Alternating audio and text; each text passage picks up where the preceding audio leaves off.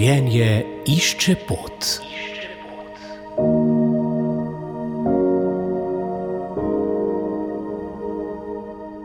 Prav lep pozdrav vsem, ki nas danes poslušate.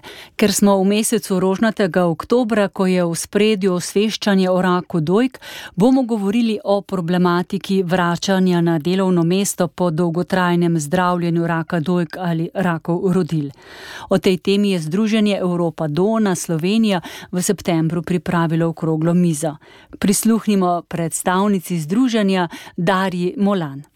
Že dolgo let delujemo na svetovalnem telefonu in imamo veliko stika z našimi bolnicami.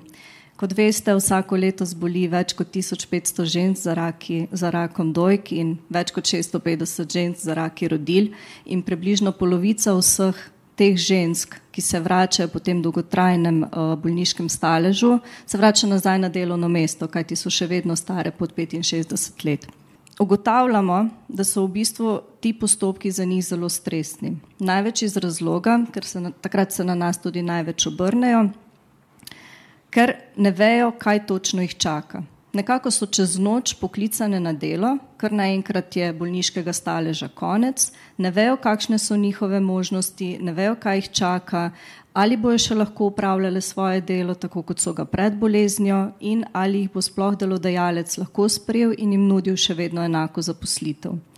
To je seveda za ženske, ki se vračajo nazaj na delovno mesto, kjer recimo niti niso potrebne omejitve. Kje so šele potem tiste ženske, ki imajo hude posledice zdravljenja, ki se pač nekako ve, vedo, da se ne bodo mogle vrniti na isto delovno mesto. Se pravi, kaj je potem v tem primeru? Ženske pokličajo, in v bistvu zelo, se znajdejo v zelo veliki stiski, ker ne poznajo teh postopkov. Zato smo v bistvu tudi pričeli s tem projektom Povratek na delo. Razdelili smo ga na tri okrogle mize, zato da se v bistvu vidi, kje so tiste največje težave.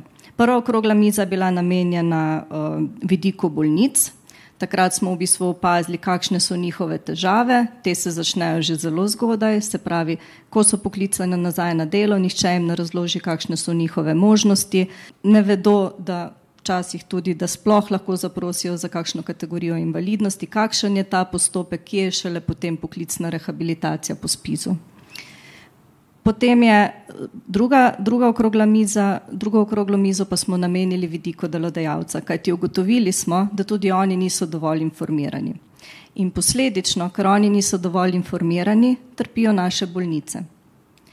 In če že pogledamo večja podjetja, ki imajo svoje kadrovske službe, ki se nekako spoznajo že na nekatere zadeve, kot so vračanje na delo z nekimi prilagoditvami in kakšen je kvotni sistem, pa so potem tukaj manjša podjetja, ki ne poznajo te prednosti. Kakšna je spodbuda recimo za invalide, recimo nad kvoto za podjetja, ki imajo do 20 zaposlenih.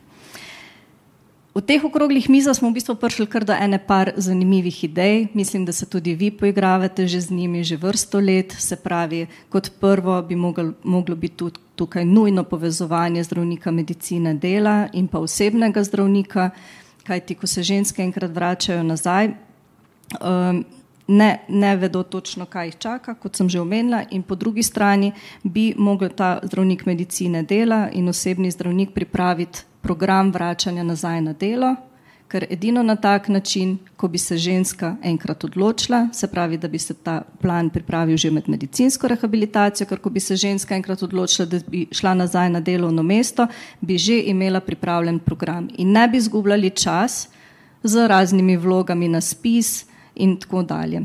Tukaj smo opazili tudi, v bistvu, da gre zelo za nesorazmerne razlike, se pravi, ene ženske grejo nazaj, kot, uh, se pravi, uh, kot, ko se začnejo vračati na delovno mesto, recimo dobijo vlogo iz uh, ZZZS-ja, da je lahko to recimo en mesec se vrača nazaj na delovno mesto za štiri urni delovni čas in potem morajo nazaj na osem urnega, potem je tukaj spet Eh, druga ženska, ki je pač vezana na drugega osebnega zdravnika, ona se lahko postopno vrača na delo eno leto. Ne? In mi si v bistvu želimo, da bi bile te pravice enake za vse ženske in ne bi bilo odvisno od tega, pri katerem osebnem zdravniku so.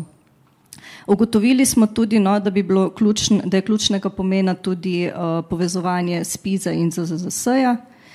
Že zaradi tega, da se vidi, da funkcijska zmožnost bolnic ni enaka diagnozi. Se pravi, tukaj se ne sme postavljati, ne sme se gledati, kdaj, kakšno diagnozo je imela bolnica, ampak kakšna je v resnici njena zmožnost. Ker lahko ob enaki diagnozi. Sploh ni nujno, da bojo ženske enako reagirale. Lahko imajo popolnoma enako diagnozo, recimo, če vzamemo 50-letno žensko, ena bo delala uh, kot proizvodna delovka, druga bo delala v pisarni in v bistvu je tukaj čisto druga obravnava. Ugotovili smo tudi, da so postopki tako zelo zapleteni, da bi si želeli imeti eno informacijsko točko, se pravi en skupen se pravi, ali linijo ali kakorkoli infotočko, ki bi bila dosegljiva za delodajalce in za delavce in bi bila tam dosegljive v bistvu vse informacije na enem mestu.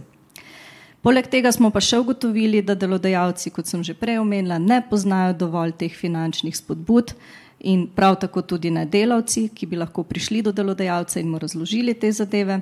Zato uh, si želimo, no, da bi tudi na tej informacijski točki, da bi lahko vse te možnosti izvedeli, tako delavci, kot tudi delodajalci. V rožnatem oktobru ste poslušali predstavnico Združenja Evropa Dona Slovenija Darjo Molan. Vse, ki se vas omenjena vsebina dotika in iščete odgovore, vabimo, da mirno pokličete na združenje, kjer so vam prijazno na voljo za številne informacije glede zdravljenja in vračanja na delo. Prispevek sem pripravila sestra Meta Potočnik, ki vam želim prijeten dan. Življenje išče pot.